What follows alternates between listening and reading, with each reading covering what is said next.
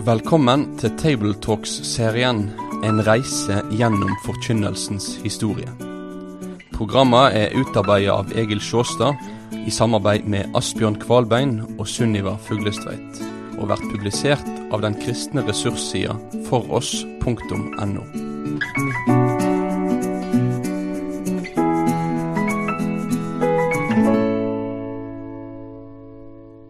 Overskriften over denne programserien er følgende En reise gjennom forkynnelsens historie, glimt og refleksjoner. Vil du bli med? Det handler om det viktigste som har skjedd i kirkehistorien, nemlig forkynnelsen. Og vi som skal være reiseledere for deg, tenker at dette også vil være viktig for deg, enten du er forkynner, kommer til å bli forkynner, eller vil være en reflektert tilhører av forkynnelse. Vi her i studio er Egil Sjåstad og Sunniva Fuglestveit. På søndag er det gudstjeneste eller formiddagsmøte, og da er det nesten alltid en tale. Det samme gjelder ved mange andre slags kristne møter og arrangement. Noen står fram og sier noen ting som de har forberedt. De leser ikke bare en bibeltekst. Dette noe kalles en andakt, ei preike eller en tale. Et sammenfattende begrep for disse uttrykkene er kristen forkynnelse. På grunn av sterke tradisjoner i våre ulike kristenmiljø har vi klare forestillinger om hva kristen forkynnelse skal være. Å holde en kristen gudstjeneste eller et møte uten andakt eller preike vil oppleves mangelfullt. Noe av særpreget, det som gjør ei gudstjeneste eller et møte til det det er, det er fenomenet forkynnelse. I, innledningen, I denne innledningen vil vi gå inn på spørsmålet hva kristen forkynnelse er eller skal være. Og Da er det naturlig å starte i Det nye testamentet. Den første stasjonen på vår reise blir dermed her. Vi skal også ta en snartur innom Det gamle testamentet, som blir vår neste stasjon. Forkynnelsen der har både formelt og innholdsmessig bidratt til å forme kirkens forkynnelse. Ja, i noen grad kan det sies å ha vært retningsgivende, faktisk. Og likevel vil, begynne, vil vi begynne hos Han som profetene vitna om, Kristus. Begrepet kristendom er skapt av betegnelsen Kristus, som da er Messias. Etter sin dåp i Jordan, og etter at han var blitt frista i ørkenen, så sto Jesus fram for folket. Det skjedde på et kjent sted, i synagogen i Nasaret. Der hadde han vært ifra barneår. Hver sabbat, sikkert. Vi leser ifra Lukas 4, 17-21. De ga han da profeten Jesajas bok, og da han åpnet boken, fant han stedet der det står skrevet. Herrens ånd er over meg, for han har salvet meg til å forkynne evangeliet for fattige. Han har sendt meg for å forkynne for fanger at de skal få frihet, og for blinde at de skal få syn, for å sette undertrykte fri, og for å forkynne et nådens år fra Herren. Han lukket boken, ga den til tjeneren og satte seg. Alle som var i synagogene, hadde øynene sine festet på han. Han begynte så å si til dem, I dag er dette Skriftens ord blitt oppfylt for øynene deres. Jeg har nettopp lest en bok av en svensk prekenhistoriker, og han bruker denne situasjonen og denne teksten som utgangspunkt for å si noe om den bestemte type tale som uttrykkes i samlebetegnelsen kristen forkynnelse. Den sier noe om hva som er forkynnelsens egenart. Han tenker særlig på fenomenet menighetsforkynnelse. For det første, sier Briljot, så står den i en bestemt kontekst. Den er et ledd blant flere i gudstjenestelivet. Den står med andre ord i en liturgisk ramme. Endatil nokså frie bevegelser har samlinger med bestemte momenter som gjentar seg. Og forkynnelsen, talen, preika, andakten, representerer et tyngdepunkt. Men tilhørerne er ikke bare tilhørere. De er samla til bønn og sang kanskje til skriftlesing eller vitnesbyrd, ofte også til nattvær. Sangen er, som en del av forsamlingens trosopplæring og tilbedelse, også ofte respons på forkynnelsen. I denne konteksten er det altså forkynnelsen er føya inn. Det er derfor en liturgisk moment, sier han, i forkynnelsens kategoriale egenart, som han kaller det. Med kategorial egenart mener han altså det egenartede ved den bestemte kategorien tale som vi her har for oss. Det tales ikke ut i løse lufta, det tales inn i en kontekst av gudsdyrkelse, for å bruke et gammelt uttrykk. For det andre er forkynnelsens utgangspunkt en skreven tekst, eller flere, da, fra Guds ord. Jesu eksempel i synagogen er typisk også på den måten. I kirkens historie har bibeltekster alltid sin plass. I nytestamentlig tid var Skriftene, Det gamle testamentet, den avgjørende autoritet, vel å merke slik Jesus og apostlene tolka dem. Jesus var sjøl det egentlige mål og innhold i Guds frelseshistorie, slik som denne bevitna i Det gamle testamentet. Ei preike har, og skal derfor ha, et nært forhold til bibeltekster. Det, det en sier, skal kunne prøves på Skriften og være en utfoldelse av budskap fra Skriften.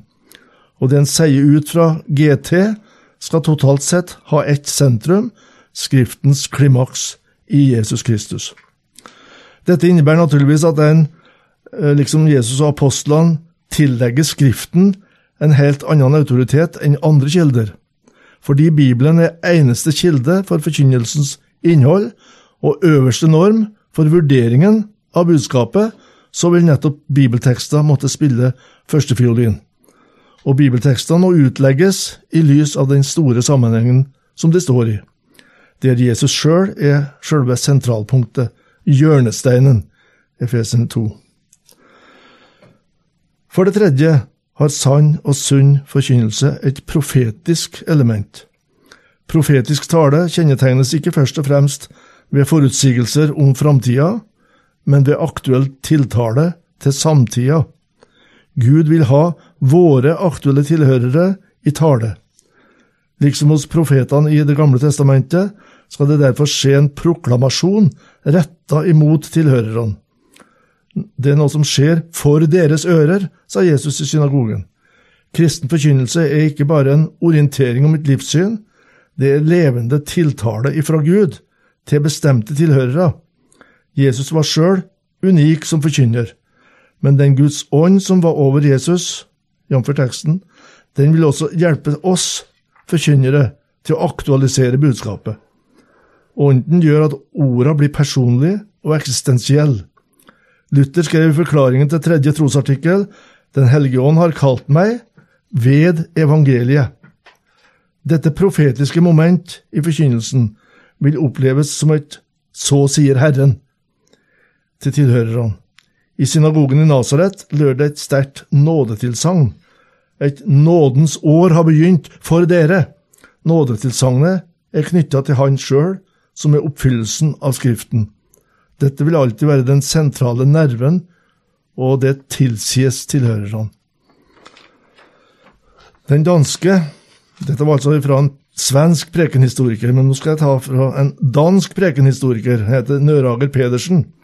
Han har et litt annet innspill eller ingress til dette temaet, når han skriver om forkynnelsens egenart. Kristen forkynnelse er proklamasjon av at Guds rike er nær, og proklamasjon tilføyes et dedikasjon, en dedikasjon, altså det gis til tilhørerne. Vi gir folk del i det vi proklamerer. Slik var det det begynte, hevder han. Både døperen Johannes og Jesus sto fram og sa tidens mål er fullt, og Guds rike er kommet nær, omvend dere og tro evangeliet. Å forkynne er å proklamere at Guds løfter er oppfylt, og at dette har skapt en ny situasjon. Nå skjer det som vi leser at Jesus gjorde. Han befrir mennesker fra syndefallets følger, djevelens herredømme, synda, sykdom og død. Og dette gjør han i det ordet om han forkynnes. Å forkynne blir da å fortelle om Jesus med direkte adresse til tilhørere. Jesus er den samme i dag som han var, og han kommer til oss gjennom evangeliet. I troslæren er vi vant til å si at ordet, dåpen og nattverden er nådemidler. Et nådemiddel ikke bare noe som orienterer om Guds nåde, men det gir folk del i det. Dette er et avgjørende særtrekk ved kristen forkynnelse. Å gi del i Guds nåderike, å gi det til tilhørere på nytt og på nytt, det var fra begynnelsen og bør fortsatt være forkynnelsens egenart, sier Nørager Pedersen. Jesu forløsende gjerning skjer gjennom dedikasjon, tilsigelsen av ordet om Han. Slik er det Gud gir syndere sin nåde. Dette samsvarer jo med apostelens ord i 1. Korinterbrev 1, 17-23. For Kristus har ikke utsendt meg for å døpe, men for å forkynne evangeliet, og det er ikke med vise ord, for at Kristi kors ikke skulle tape sin kraft. For ordet om korset er vel dårskap for dem som gått fortapt, men for oss som blir frelst, er det Guds kraft. For det står skrevet, Jeg vil ødelegge de vises visdom, og de forstandiges forstand vil jeg gjøre til intet. Hvor er en vismann? Hvor er en skriftlærd? Hvor er en forsker i denne verden? Har ikke Gud gjort verdens visdom til dårskap? For da verden ved sin visdom ikke kjente Gud i Guds visdom, fant Gud for godt å frelse den som tror, ved forkynnelsens dårskap. For jøder krever tegn, og grekere søker visdom. Men vi forkynner Kristus korsfestet, for jøde et anstøt og for hedninger en dårskap. Men for den som er kalt, både jøde og grekere, forkynner vi Kristus, Guds kraft og Guds visdom. Utsagn som evangeliet er en Guds kraft til frelse, eller som Jesus sa, jeg er kommet for å gjøre ende på djevelens gjerninger. Det er altså ifølge dette utgangspunktet et hovedsynspunkt på kristen forkynnelse. Å forkynne er ikke å stå fram for å dokumentere menneskelig visdom, retorisk dyktighet, psykologisk teft. Alt dette er vel og bra, men det kommer aldri til å tilhøre forkynnelsens egenart. Mm. Og her har jeg bare lyst til å, å komme med en liten kommentar i forhold til dette med forkynnelsens egenart. For hvordan ser egentlig forkynnelse ut i dag?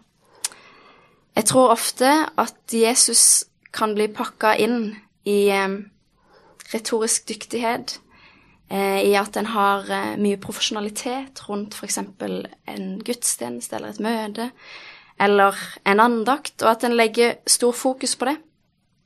Og jeg tror det kan være gode hjelpemidler som hjelper oss i forkynnelsen. Dette med å tenke på hvordan en snakker, om en har bilder å vise og sånne ting. Men det er ved Guds ord og med Guds ånd um, at forkynnelsen kan lede mennesker og vise mennesker hvem Gud er. Eh, I Esekiel 37 så leser vi om Esekiel som, som taler med Gud, og så er han i denne dalen med masse tørre eh, knokler. Og Gud sier at han skal tale profeter, og så skal disse knoklene komme til live.